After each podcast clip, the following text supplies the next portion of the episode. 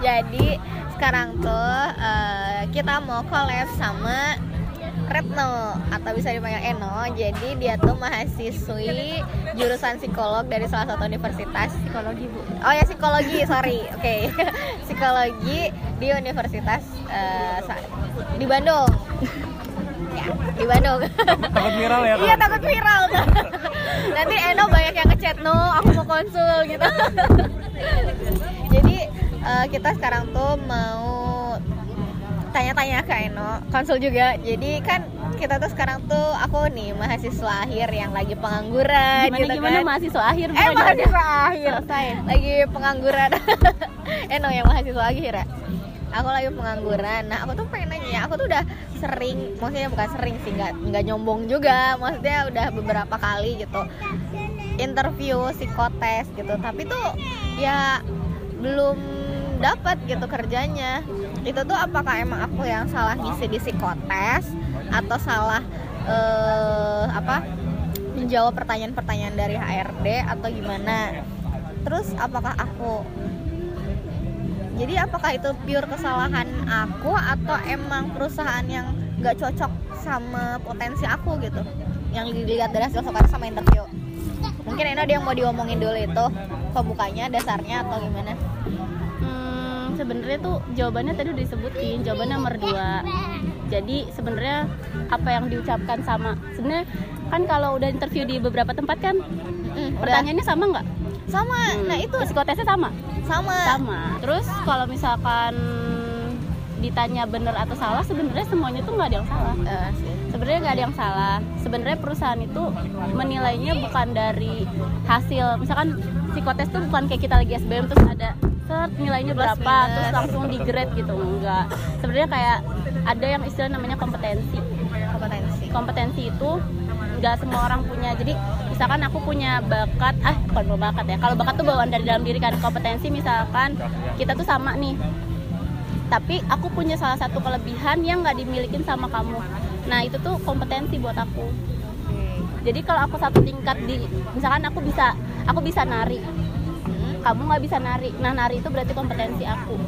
Bukan nah ketika bakat. ya sebenarnya kalau kalau ngomongin nari bakat sih. Misalkan apa ya kepemimpinan Oh, misalkan oke.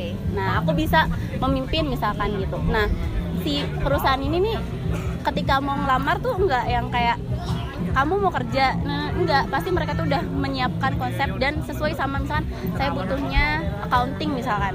Nah, accounting kan ada kayak syaratnya gitu harus bisa A, misalkan bisa Excel, Detail gitu, A, B, C. Nah, si HRD tuh merancang, oh ya kalau misalkan orang bisa Excel, berarti dia tuh harus A, B, C, D. Nah nanti pas interview yang harus ditanya tuh A B C D. Jadi nggak semua orang yang lamar tuh sama interviewnya sebenarnya. Terus pas ngomong tuh nggak ada misalnya kayak biar diterima jawaban psikotesnya misalnya gambar nih pernah disuruh grafis gambar. Nah aku pernah gini dulu sebelum aku belajar psikologi aku ini ya sebelum aku belajar psikologi aku pernah tes di BCA aku disuruh ayah aku bilang gini nanti kalau gambar pohon pohonnya yang besar di tengah-tengah terus eh, daunnya yang rimbun segala macam Iya, iya. Aku pernah nah dengar itu. itu kan distimulus dari orang ya sebenarnya si tujuan apa sih? Gambar itu kan buat apa sih buat tahu gambaran kita kan. Ketika kita dengan sama orang lain berarti yang kita gambar itu bukan kita. Oke. Nah itu. Nanti negatifnya kalau misalkan iya dengan gambar itu kita bisa keterima nanti di dunia pekerjaannya kamu tuh bukan sesuatu Beda. yang dibutuhkan gitu sebenarnya Beda bisa jadi. sih? karena kan sebenarnya mereka nge-matching gitu loh. Iya. tadi itu ya the right people for the right place. Jadi si puzzle itu harus pas gitu. Kalau nggak pas ya cari lagi terus kayak gitu. Kalau misalkan nih eh, dari yang Eno pelajari sendiri tuh ya yang harus diwanti-wanti gitu pas interview tuh apa? Cuma satu. Apa? Istirahat yang cukup sebelum tes. Iya.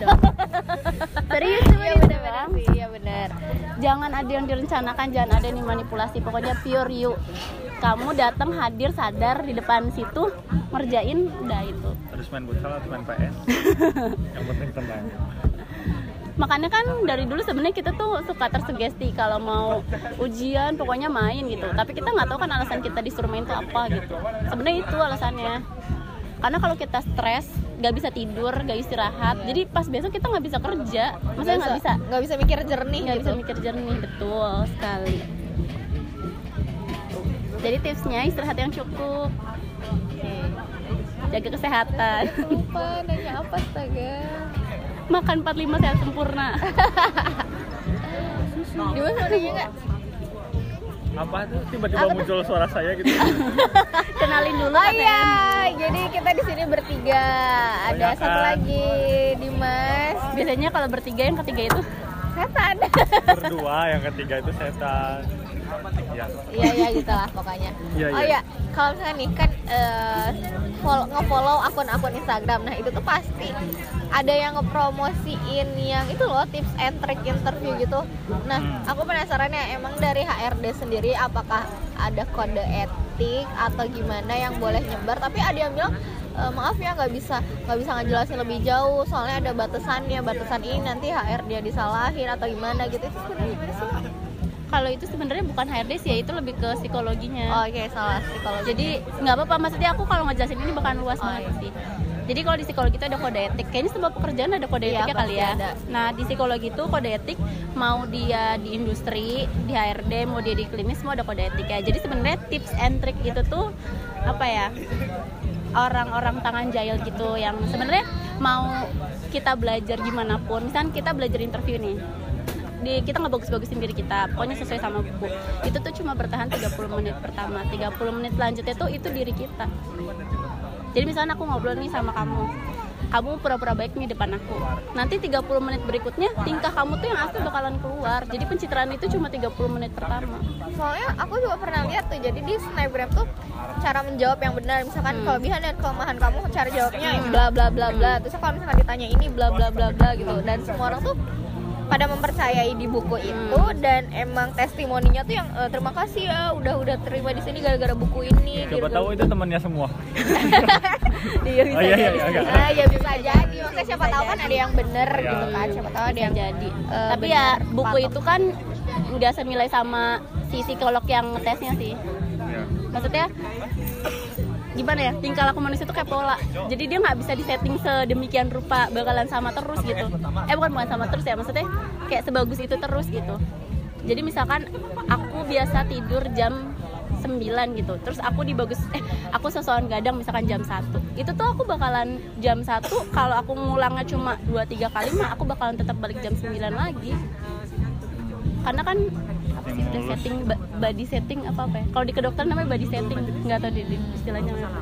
Jadi gini kan, Eno kan salah satu yang dipelajarinya itu tadi yang tentang HRD ya, yang mau Dimas tanyain teh untuk jadi sebuah apa tadi? Eh seorang yang apa tadi yang interview dari sisi HRD-nya tuh ketika dibebankan dari perusahaan tadi kan nggak ada standarisasi bahwa itu salah atau benar. Hmm. Nah berarti kan tapi pasti eh, perusahaan tuh dalam tanda kutip menitipkan pesan ya standarnya maksudnya nggak ada yang salah nggak ada yang benar karena semua itu semacam kayak puzzle semuanya tuh akan tepat pada Tempatnya. akan, akan tepat pada tempatnya nah kalau itu pasti ada dong eh, pesan-pesan yang dari si perusahaan itu buat nyari orang yang tertentu nah itu biasanya gimana sih dari sisi si pewawancaranya itu apa Nah, jadi gini kalau di HRD itu sebenarnya kita tuh misalkan aku ngetes kamu ya. Ya. Nah ketika mau nerima kerja tuh aku nggak boleh cuma ngetes satu satu item doang. Jadi di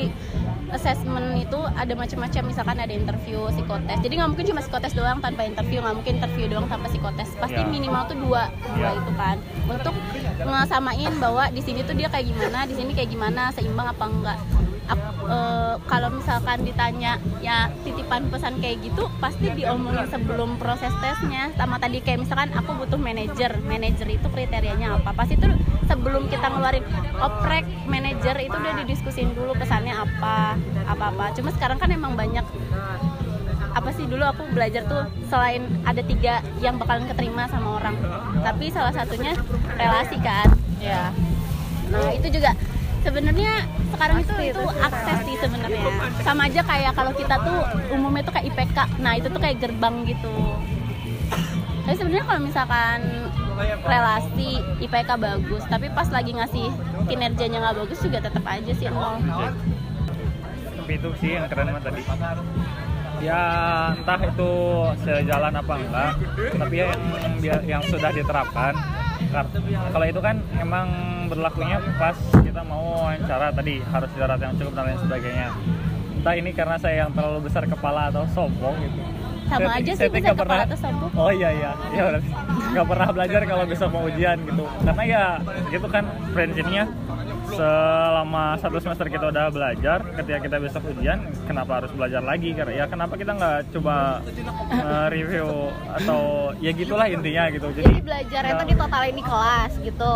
Iya, Jadi pas udah. ujian Jadi, tuh Aduh ini nih tipe-tipe yang idealis dan promotif karena nggak ada yang nggak ada yang instan gitu meskipun satu malam digedor sampai segala macam juga karena ya kan udah. masuk kelas juga cuma 15 menit keluar lagi terus lupa keluar kelas tuh. Ya nggak tergantung masing-masing ya Iya. dong. gitu. Iya sih, sebenarnya bukan. Sebenarnya konsep tidak belajar itu benar supaya nggak stres. Ya. Tapi konsep belajar satu semesternya itu nggak nggak di HRD nggak gitu. Mungkin itu di tipe kepribadian bapak aja gitu. Bukan tipe kepribadiannya, tipe sosial juga bisa. Jadi anda itu? Gimana gimana? lebih cenderung menikmati hasil apa yang jadi kamu itu lebih bangga ketika melihat sesuatu atas kerja keras kamu gitu? Bukannya semua orang gitu ya? nggak ada orang yang tipe preventif kayak aku. Maksud maksudnya? Seperti? Kamu tahu kan tipe preventif apa? Tipe orang yang menghindari rasa sakit nih. Misalkan aku besok sama kamu sama-sama ujian matematika. Ah, kamu merasa satu semester sudah belajar matematika ya, ya, ya, ya. Ah besok gak usah belajar orang udah diajarin di kelas Ya, Mau gimana pun hasilnya saya tetap ya itu saya gitu ya. Hmm. Kalau Ada nggak orang yang panik besok mau ujian? Ada, ada, ada. Nah itu tipe preventif. Aduh gimana nih besok ujian? aku Iya. Aduh, gimana kalian nanti ujian? kalian. Nah tapi kalau orang-orang tipe gini, ketika lihat misalkan nilainya 50 dia tetap bangga karena ya ya gue emang bisanya segini gitu.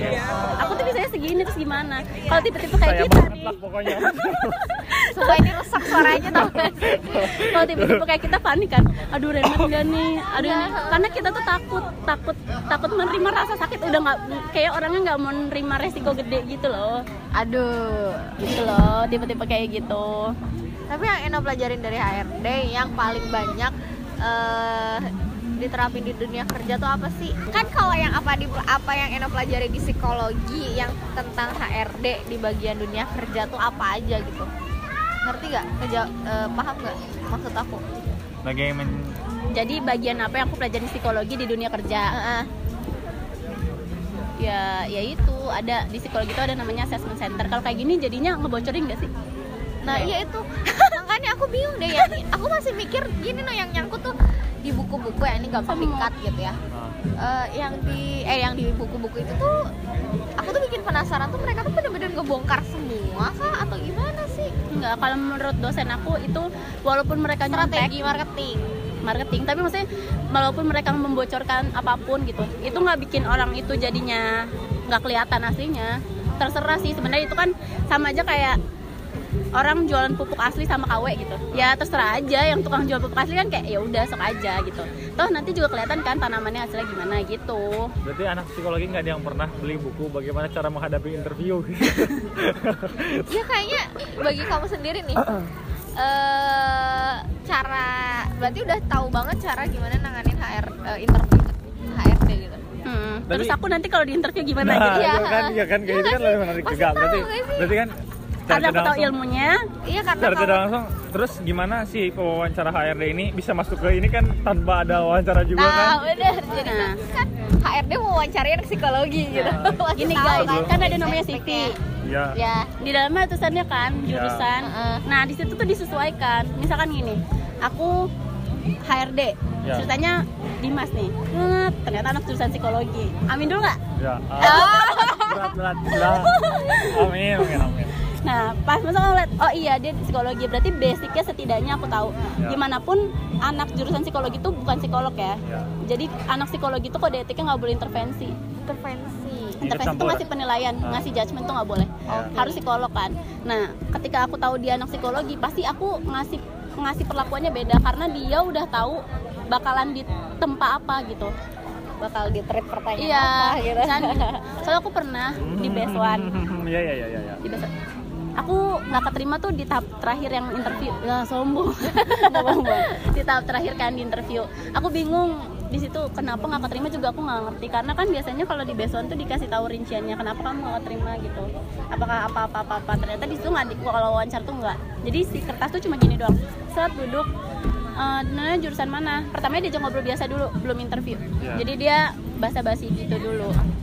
Aku kan sebagai interviewer pengennya keterima dong jadi Iya. so baik kan Ya. iya pak gini gini gini ikut organisasi apa apa apa diceritain kayak gitu lama-lama tingkah aku tuh udah nggak bisa di pencitraan Oh ya. tingkah aku tuh kelihatan jadi walaupun gimana sehebat-hebatnya aku dalam ilmu itu tingkah laku aku tuh tetap natural seperti manusia biasa Jadi covernya tuh berbatas ya. jadi kayak kita tuh membangga-banggakan CV Karena jangan tapi ganggu, nggak bakal kerekam kalau kamu gitu. Jadi ya iya gitu, Iya, atau iya. enggak gitu. Iya, iya. Iya. jadi aku kayak kalau baca juga gitu iya tapi aku ngangguk doang Luar biasa. jadi kayak Aduh. kita tuh kayak membangga-banggakan CV pas ngejawab tapi pas pertanyaan berikutnya tuh mereka tahu ya in- eh, si yang interview tuh interviewernya Oh, pasti tahu ya nih, tiga, eh, 30 menit pertama ditanyain, uh bagus-bagus semua kan Cita-citanya apa? Visinya gimana? lima tahun ke depan mau bikin apa? Perusahaan apa-apa-apa misalkan Terus kayak 10 tahun ke depan apa-apa Nanti lama-lama, pertamanya kita kan pasti tegang gitu kan Kalau tegang kan kita masih sadar, gimana ya? Iya. Kalau tegang tuh kita sadar Kan- kita kan- tuh lagi ngelakuin masih apa kontrol. Kan si orang tuh ketika orang interview nih, misalnya aku interview dia, aku tuh masuk ke diri dia waduh Ya. terus terus aku tuh masuk jadi aku ngikutin misalkan gimana sih caranya aku diajarin gimana caranya orang nyaman ngobrol sama kita ya terus kayak oh, orangnya nyaman hidup sama kita gimana? Ah, baper banget Iya, iya. Ya, atuh maaf. iya. terus misalkan kayak eh, jadi aku dikenalin walaupun nggak ada secara ilmunya. Kalau misalkan kita geser gini artinya apa gitu. Eh, itu katanya ada, ada. ya, gitu dan gestur tubuh misalkan kayak gitu. mata nih. Aku misalkan ngeliatnya ke kanan kalau tuh gitu. Kalau ke kanan gimana ke kiri gimana ke atas Aduh, gimana ke bawah iya, iya. gimana. Emang itu diajarin? itu pengetahuan terbatas aja. Oh. jadi nggak nggak di ini di kelas tapi kita baca-baca aja. Tapi itu emang kalau buat interview emang nggak total. Jadi kita tuh interview cuma bukan cuma dengerin tapi kita tuh ngeliatin dia tuh ngomong apa gitu. Makanya sometimes kayak macam ajar nih. Kalau ditatap tuh takut. Masa sih? Karena takut dijudge. Karena tuh enggak pada biasa kita aja. datang ajar ya. Kita datang ajar. Dikiranya dia di- dinilai segala macam kan. Karena enggak. Tapi emang kalau dalam kelas interview tuh gitu. Nanti kan kalau pernah BI enggak? B itu apa? LGD LGD kalau misalkan LGD itu kita tidak menentukan si leadernya. Kalau FGD itu kita menentukan oh aku pernah deh lihat program itu. Ya kalau LGD itu misalkan aku nyiapin lima orang. Kalian diskusi ya nih bahannya. Program Nah, pergi. posisi itu pernah. Kalau FGD itu aku gini ini bahannya Forum kamu jadi discussion. moderatornya kamu pembicara satu dua tiga gitu. Jadi itu forum grup dis- discussion bukan sih? Ya oh iya benar-benar Nah biasanya kalau anak-anak HRD atau psikologi itu dia di, pasti di samping-sampingnya gitu di belakang-belakangnya. tujuannya? Nah itu biar kita bisa ngelihat semua dari ujung sampai ujung. Kan kayak dia garuk-garuk terus apa oke dia mainin pulpen kayak gitu. Tapi kalau yang eh, menunjukkan itunya karena penyakit gimana? tuh? jadi kayak, kayak ke- kalau kebiasaan aja gitu gimana ya, Ya, emang itu. udah biasa kayak gini Ya, emang gitu itu dia. Berarti ya Kan berarti makanya mulai dari kenapa kebiasaan kenapa gitu multi assess itu kenapa harus sat- harus lebih dari satu assess itu untuk itu. Jadi kalau di hasil yang pertama kayak gini hasil kedua gimana biar lebih valid gitu. kayak kamera Itu 360. namanya multi assess, multi person apa apa ya? soalnya eh, misalkan nih psikotes nih kita tuh ngebagus bagus bagusin kita gitu kan. Misalkan Hmm. eh, di perusahaan A kita coba ngebagus bagusin diri gitu. Mm-mm. nah itu tuh kan di setiap perusahaan beda-beda ya. Ada yang psikotes dulu ada yang interview dulu gitu. Nah mereka tuh cara nilai masing-masingnya tuh sama nggak sih? Seharusnya dari mana? Seharusnya dari psikotes dulu apakah interview dulu baru psikotes Hmm, enggak sih. atau itu nggak ngaruh nggak ngaruh, sama aja urutannya. mah. Terserah aja mereka mau ngeses mana dulu. Sebenarnya biasanya kalau tuker-tuker kayak gitu mainan durasi doang. Misalkan Waktunya ini mepet. dulu waktunya nggak mepet, misalkan LG-nya penuh ya udah dia tes psikotes dulu misalkan. Tapi yang LGD itu no ada ininya nggak? Misalkan tadi yang semacam 30 menit pertama kita tetap bagus mau Enggak. Kalau LGD tuh enggak. Kalau interview kan one by one. Kalau leadership tuh tapi kan tidak menutup kemungkinan juga. Bisa. Biasanya leadership kan dia pengennya dominan. Kita di situ bisa lihat mana yang pasif mana yang aktif. Makanya orang kan suka bilangnya biasanya yang keterima tuh yang tengah-tengah yang nggak terlalu dominan yang nggak terlalu sebenarnya nggak juga sih. Buat apa dia banyak ngomong gak ada isinya juga. Ini dia sedikit ngomong tapi isinya benar berisi gitu. Jangan jadi orang lain pokoknya. Iya jangan jadi orang lain Eh, oh pernah nggak sih gini? Aku pernah dapat cerita ada orang ceritanya mau interview. Penilaian dia itu bukan dalam ruangan. Jadi dari dia datang injak perusahaan itu udah dinilai. Oh iya aku juga pernah belajar. Yang eh, ada eh, kayak training wawancara gitu kan di kampus. Jadi dia tuh dari awal masuk dari dia cara berpakaian cara dari Buka pakai pintu. sepatu.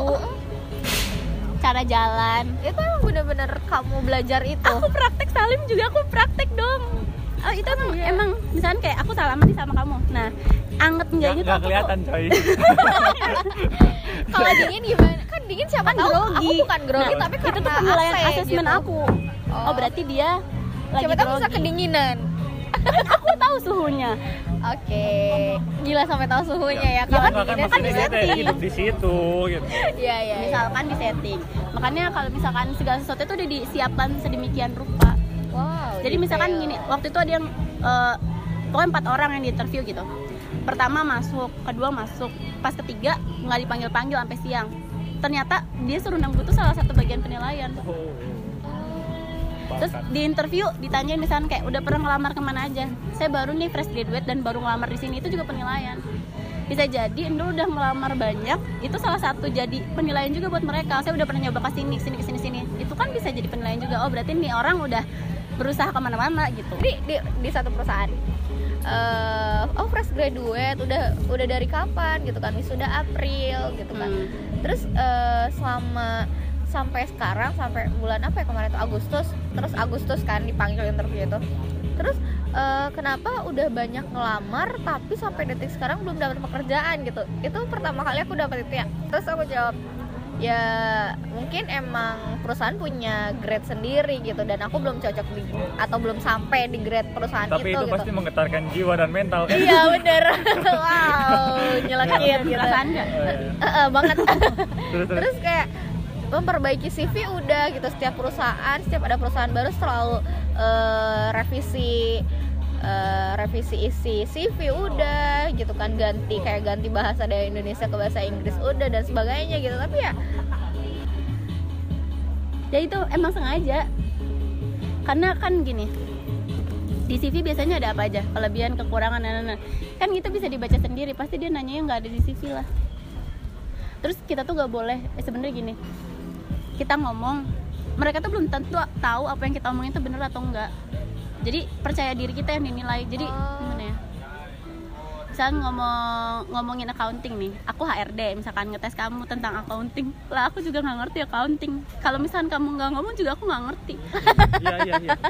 Gitu. Itu tuh ngetes doang loh misalnya gini kalau kamu waktu itu Oh, pernah ngelamar di sini eh misalnya PKL nih oh kamu pernah PKL di sini? Terus gimana PKL-nya misalkan pernah meneri eh pernah menemui kendala enggak gitu? Atau ada masalah enggak? Lah aku sebagai yang lain sebenarnya nggak tahu itu masalahnya tuh seribet itu atau enggak. Tapi kalau Nul nyeritainnya dramatis kayak iya waktu itu tuh susah banget. Oh itu tuh bagian benar oh berarti ini orang kayak gini. Iya iya. Eh, aku juga pernah baca kalau misalkan di interview itu jangan terlalu banyak cerita Hmm. dan jangan terlalu sedikit juga gitu kalau bercerita. Sesuai aja yang ditanyain jangan ngeles. Hmm. jangan ngeles karena lagi di interview ya bukan lagi disuruh Bukan. les oh, iya. Ntar buka geo kalau ngeles terus. Pernah ngerasain di interview tuh? Ih, disebut dong geo. Dan nanti tit aku pernah ngerasain di interview itu kayak cerita. Jadi bukan malah ditanya ke potensi kita tapi malah diceri eh malah ditanya tentang keluarga kita. Iya. Itu maksudnya apa?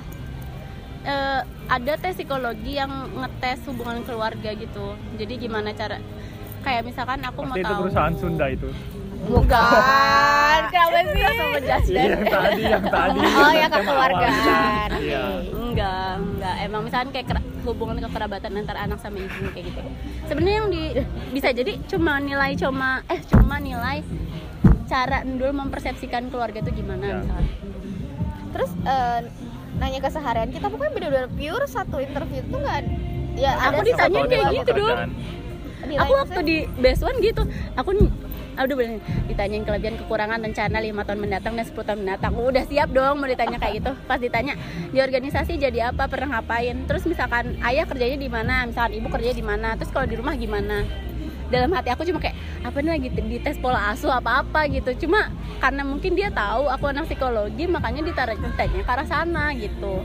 Mungkin aku ada yang kelihatannya nadanya lebih emosi dari apa jadinya Oh, jadi dari nada juga dinilai ya. Dinilai nada kita semua. bicara astagfirullah. semua jadi Semua bener-bener dari kalau ditanya psikologi alatnya apa alatnya yang ada di dalam tubuh kita sebenarnya alat Alat seperti ngeliat gitu ya. tes kayak gitu-gitu tuh semua alat bantu yang paling utama tuh observasi jadi cuma mata dan pendengaran dan semua perasa ini gitu pas lagi diwawancara kita nilai balik yang wawancaranya oh ini gini nih oh gini nih oke Wah, ya, gini ini nih. jutek banget Oh, nih gitu. Pasti orangnya emosi ya. tenang banget sih nanya kok tenang banget sih gitu. Iya sih itu sih bingung aku tuh ya ada dari setiap wawancara ada yang eh, malah menjurus ke, ke- Wih, kegiatan seharian, organisasi jadi apa, terus magang gitu. Terus magang kamu ngapain? Oh, nggak, kok kenapa nggak digaji? Kata gitu soalnya itu kan dari kampus gitu, bla bla bla bla gitu. Terus ada yang bener pertanyaannya high banget ya sampai eh, di magang apa sih yang bikin kegiatan yang nggak disuka kamu, yang disuka kamu? Kadang ada perusahaan yang pengen orang kayak dia ketika ini kenapa magang nggak dibayar soalnya saya eh, idealis gitu, jawabannya Soalnya idealis gitu. Soalnya saya pengen eh, perusahaan ini tuh nanti eh, saya itu bagian dari sejarah perusahaan ini bisa maju misalkan kayak gitu. Ada yang emang ada perusahaan yang butuh kayak gitu. Tapi ada juga berarti eh, nggak semua perusahaan yang ada harus perusahaan yang mikir kalau ngomong kayak gitu apaan sih ini orang ngayal banget? gitu. Bisa ada yang kayak gitu. Nanti kan HRD itu menyesuaikan apakah orang ini juga bisa masuk ke iklim organisasi itu gitu misalkan. Iklim dong. Iklim cuaca. Maaf maaf maaf. oh iya. Dan setelah dijelaskan ini saya baru menyadari berarti saya tipe-tipe orang yang tidak akan memperbaiki CV akan tetap seperti itu ketika ditanya begitu. Tidak ada yang saya perbaiki saya akan tetap seperti itu jawabnya. Enggak dia itu akan memperbaiki jika dia terinsight. Dia nggak- kamu itu tipe yang harus sadar sendiri bukan karena disadarkan Ah, orang lain. Nggak boleh disentil. Nggak bisa disentil. kerasa nggak kerasa kerasa gitu. Iya nggak kerasa aku udah sadar sendiri. Gini di makan yuk dia kalau belum ngerasa dia yang lapar belum. Iya. Nanti kayak nanti aja sok aja duluan. Kan ada beberapa orang yang mikir tuh cuma diem gitu kan. Hmm. oh cuman apa ya juga dinilai. Apa ya? Kalau orang ngomongin mm, mm, mm, itu juga dinilai. Jadi aku harus ngapain harus diem aja? Yang kalau mikir.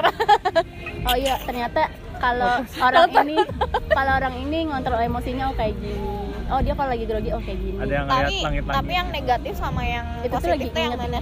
Hah? yang negatif sama positif tuh yang kayak gimana? Misalkan kayak eh ya tadi kayak kalau ditanya kayak gitu kalau mau mikir dulu tuh kita harus kayak gimana gitu? Harus diem kah? Atau harus gimana kah? Gitu. Dijelasin nggak kayak gitu? Dipelajarin nggak kan kalau contohnya kalau misalkan berbohong kalau orang berbohong gitu kan kelihatan gitu. Pasti dia awalnya natap jadi eh, lirik gitu kan jadi lihat ke sana kemari gitu kan. Itu benar. Hmm. nah eh, kayaknya kalau yang psikologi enggak deh. psikologi maksudnya dari yang cara oh, ngomong kalau gitu, cara berpikir. akunya gitu. Kalau orang mungkin ya kayak gitu. Tapi beberapa orang psikologi yang dia kontrol emosinya baik biasanya mau bohong atau apa ya biasa aja. Kalau yang baik. Kontrol emosi iya kontrol emosi yang baik. Hmm. Berarti aku belum baik kan kamu kan bukan orang psikologi atau? Iya. eh ya kan yang bisa kontrol emosi yang baik kan gak cuma psikologi. Iya psikopat juga bisa ngontrol emosi baik. Iya. Jadi dia nggak ke- ketahuan Iya, kalau mau psikopat tuh nggak bohong ketahuan enggak gitu. Iya. kenapa kita jadi bahas psikopat? Ya udah ya. Apa aja? Oh ya terus kan psikotes tiap perusahaan tuh beda-beda ya. Ada yang satu perusahaan atau eh, banyak banget psikotesnya dari A B C D diambil gitu. Maksudnya dikasih ke yang lamar kerja gitu. Ada yang perusahaan B gitu cuman satu dua tiga psikotes doang gitu. Itu tuh gimana? Itu sesuai kebutuhan perusahaannya misalkan aku mau ngukurnya IQ terusnya tipe kepribadian sama dinamika emosi misalkan kayak gitu. Ya udah aku ngambil sesuai aja. Kan kalau misalkan pernah ini tes koran lah pernah. Ngabisin berapa koran? Sebalik kan eh, dia tuh lembar gede. gimana? Itu ngitung ke bawah. Itu ke bawah yang aku jelasin ke Dim yang ada Oh, iya, angka iya, ke iya. bawah terus harus dijumlahin Oh, dan itu harus cepet-cepet yang meler. Itu ya? Benar pernah pernah pernah. Lulus jadi kan ada kertas gede terusnya kan bolak-balik dan aku nyampe balik. Itu lebih nangis kalau nge- ngitungnya guys. Iya hitungnya capek banget. Aku scoringnya lebih nangis terus lanjut. Kenapa? aku bisa lihat scoringnya sih. Itu bisa di scoring. Lanjut lanjut dulu terus oke lanjut tadi bahas scoring ya. Iya. terus? Eh nggak boleh. Oh nggak boleh. Itu itu termasuk nanti aku bahas sepintas doang. Oh, Oke. Terus itu sebaliknya dan itu dikit lagi nah cuman satu dua tiga empat lima enam baris lah. Beres satu satu bolak balik itu. itu ada empat ribu. Empat ribu itu. Tapi ya aku- eh, bener gak kalau misalkan misalkan kita tuh jumlahin jumlahin jumlahin gitu kan. Nanti si si ARD si apa sih kok apa si ya mbak mbak pihak perusahaannya gitu kan nanti bilang garis gitu kita garis kan Hmm, hmm. kita garis garis garis garis dan itu tuh dan aku sampai nggak garis itu nyiksa HRD nya iya udah udah garis Hmm. maksudnya itu kan 20 kan garisnya eh nggak ngitung ya ya udah Enggak, gitu Terus? aku. Terus pas gitu, lupa tadi aku nanya apa. Garis, garis, garis. garis, garis, garis. Hmm. Nah, aku tuh pas ngerasa ngerasa ngerjain apa namanya? Ngerjain apa ini teh? koran koran Ah, ngerjain tes koran itu kayak kefokusan aku deh mulai capek deh mulai lengah gitu kan. Bener gak sih kalau misalkan dari mulai garis si in- HRD bilang garis garis garis terus kayak garis aku tuh ada yang di bawah ada yang di atas ada yang di bawah terus yang di bawah tuh setelah tiga baris terus di atas lagi tuh kayak kestabilan kita dalam bekerja. Bener gak? Konsistensi. Iya. Tadi bener. Eh nggak ada oleh iya. Iya nggak ada. Jadi enak dari tadi ngangguk ngangguk ngangguk. Iya itu konsistensi. Iya dong dong konsistensi. Ter- terjemahkan anggukan aku. Ya, Iya, jadi itu iya. artinya konsistensi guys. Benar. Terus boleh dijelasin gak sih? Boleh oh tahu boleh nggak boleh guys. nanti kalian kalau tes jadi tidak asli. Soalnya aku pernah ya kan sebelum sebelum dikumpulin. Emang dulu nggak penasaran kenapa tes itu selalu ditaruh di akhir? Biar ngelatih fokus juga gak sih? Saya mah nggak penasaran sih iya aja, kenapa? udah itu kenapa btw kalau pikir aku biar ngelatih fokus karena sebelum sebelumnya kita udah ngejalanin beberapa tes banyak terus kita pas udah dikasih tekanan red, eh, tes koran ini tuh kita tuh apa masih bisa bekerja di bawah tekanan kah? Terus bisa konsisten kah? Kerjanya stabil iya betul. Betul serius? Serius? Salah satunya itu. Terus apa lagi? Apa ya? Sebenarnya eh, itu apa ya aku paling capek ngetes orang anak ITB ngetes itu. Kenapa? karena tingkat kecepatan menghitung anak ITB itu bisa kayak aku baru maju ke depan ngambil kertas dia udah gini lagi udah minta lagi. Jadi itu kayak entah dia udah ngerti cara cepetnya entah gimana sebenarnya kalau kayak gitu tuh bukan dinilai cepat atau enggaknya. Terus Tapi- endul mau nulis garisnya di dalam satu lajur itu dua garis juga nggak masalah. Itu tuh apa ya nanti kalau dipindahin ke grafik itu tuh nggak nggak kayak gitu bentuknya. Cuma hasil tes dulu tuh cuma segini doang nih. Apa itu? isinya grafik naik turun doang. Dari siang HRD bilang garis kita garis gitu. Gitu doang. Kalau sampai si garis itu nggak digaris HRD itu gagal ngetes itu. Oh terus hasil ke kitanya apa? Yang ada hasil apa apa kalau garisnya kurang. Garisnya putus gitu sih ya kan harus dibikin grafik itu. Nggak bisa dinilai jadi kita. Ngulang lah out out itu juga riskan kan makanya yang ngetes ya jangan psikolog psikolog lah. Asesornya itu asesor tuh kan penilai asesor itu jadi riskan. Karena kalau misalkan tes koran ini nih kenapa ditaruh di akhir? Emang semua orang kan pasti udah udah pikirannya ke mana-mana kan capek. capek pengennya pulang. Udah gitu dapetnya sebanyak itu lagi. Udah gitu pas lagi tes koran kan nggak mungkin sendirian tuh. Kita nah di situ tuh ada rasa-rasa persaingan kan. Aduh itu udah nambah kertas kok gue belum nambah kertas. Nah aku ya pas waktu kemarin eh, tes koran. Kalau dia nggak nggak iri udah aja. Tes koran sama, sebelahan sama teteh aku kebenaran daftarnya sama. Sebelahan kan sebelah. Panik nggak ngeliat panik banget sebelah. Sebelah tuh santai banget kan ngerjainnya gitu kan. Pas sebelah teteh aku kan si kemeja sama si kertas itu tuh bunyi kan. Nah aku ke distract dong. Otomatis aku udah nggak fokus dong jadi Hmm. lambat gitu ngerjainnya. Terus si teteh tuh cepet banget gini gini gini gini. Jadi ada yang ngerjain udah kayak gini udah sampai tiduran. Ada yang sampai tidur juga pernah aku ngetes sampai tidur dong orangnya belum selesai. Kan itu, kan apa? ada durasinya. Apa Ya, itu Artinya dia ngantuk. ngantuk. Bener sih. Artinya dia ngantuk. Eh, tips buat ngerjain tes koran apa ya kudu fokus ya nggak ada lagi. Jangan lupa bawa, cukup. jangan lupa bawa pulpen. Oh, terus tidur yang cukup. Luar abis biasa. udah tidur yang cukup. Terus jangan lupa dengerin ketika dia ngomong garis. Oh iya. Karena kalau kalian tidak dengar itu akan gagal tesnya oh Gagal bagi kita atau bagi pengetes? dua-duanya. Dua-duanya lah. Kalau misalkan pengetesan gagal jadi nggak ada hasilnya dong. Iya sih. dikat ini mah. Kebaik asertif. nanti kita next time atuh ih sebel banget mama aku deh. Padahal lagi nih tahu? Tahu nggak? Aku mau bahas karir itu apa? Pengertian karir. Apa yang kita lakukan sepanjang hidup. Menurut kamu ibu rumah tangga karir apa bukan? Bukan. Ibu rumah tangga tuh karir. Oh. Kan apa yang dilakukan sama seseorang selama hidupnya? Dibayar ataupun tidak jadi nggak ada ya mau wanita karir apa mau wanita rumah oh tangga. nggak ada nggak ada. Ya, itu sama-sama karir. Betul. S2 karena mau jadi apa? Jadi ibu rumah tangga. mulia sekali ya. Oke jadi kesimpulannya dari Eno apa nih? Jadi kesimpulannya buat masalah pekerjaan jangan pernah jadi orang lain. Kalau misalkan mau cari kerja fokus aja sama diri kalian sendiri, perkaya potensi, banyakin soft skill itu penting. Karena sebenarnya kalau misalnya ditanya lulusan mana, S1 mana sama aja kan, apa yang kita pelajarin di kampus tuh sama. Sebenarnya, tapi pokoknya karena yang ngebedain orang lain itu sebenarnya karena dia punya soft skill lebih dibanding orang lain lainnya misalkan eh, aku sama-sama sama kayak kamu sam- sama-sama S1 akuntansi. Tapi aku punya kelebihan misalnya aku bisa pakai Excel 2019 misal udah ada. Itu kan salah satu kelebihan. Pasti aku lebih menarik bukan belum tentu aku diterima ya. Aku pasti lebih menarik. Karena untuk pertama kali dipanggil sama perusahaan itu kita harus jadi seseorang yang menarik tuh karena kan kita pertama kali ketemu itu first impression itu itu dulu. Terus eh, pokoknya jangan pernah pencitraan kalau bisa. Pokoknya kalau misalkan lagi cari kerja kerjain aja semaksimal mungkin jaga kesehatan istirahat yang cukup jangan lupa bawa alat tulis. Apa ya? Terus ini positive thinking. Jangan men- jangan kalah sebelum perang. Karena sebenarnya kan sesuatu yang belum terjadi itu masih cuma ketakutan doang. Ketakutan itu masih di depan belum terlaksana. Gak jadi gunya pokoknya apa ya? Kayak gitulah kesimpulannya. Tips dan triknya juga gitu deh.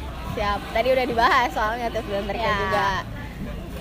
Jadi yang semangat jangan patah semangat. Semangat guys. Kalau misalkan belum dapet eh, lagi ngomongin diri sendiri. Semangat. Eh kalau belum motivasi internal ya. aku lebih besar. Iya benar. Kalau belum dapet lupain yang lalu terusnya introspeksi diri. Biar suaranya balik lagi ke oh iya. introspeksi diri gitu. Kalau misalkan belum dapet yang di sana ya cepet ngelamar lagi gitu kan. Terus eh, ngelamar sesuai kemampuan Dan dan, cuma kompetensi satu. kamu gitu Ngelamar tuh. Kenapa? Sampling. Sekali bikin lamaran tuh kayak jangan cuma 5 bikin 20 langsung set gitu. Jadi kayak Kayak mudah dibicarakan gitu. Padahal aku padahal ya Allah gitu. aku tanya kamu di LG nggak? Sih CV nggak? Sip itu diterima dulu baru diminta nah CV-nya gitu. aku dulu menyebarkan itu. Aku wow. dulu bikin berapa ya? Tahu? Baik gitu. Terima kasih guys. Dari kamu ada yang mau nggak? Udah. ini makan mulu dia mah kan lu udah kerja maksudnya. Iya ini kita nggak ditanya ini pengalaman pekerjaan. Aduh boleh sih. Kerjalah di tempat dan waktu yang tepat gitu. Jadi kalau misalkan emang belum waktunya? diterima, belum iya belum diterima dan itu ya berarti itu belum waktunya? belum tepat. Usang, usang. Usang udah. Ya udah terima kasih walaupun eh, kurang lama waktunya karena sudah terlalu malam tapi aku tetap pengen Wah jam setengah satu guys. gak bohong Udah guys terima kasih tutup dulu ya. Semoga bermanfaat. Dadah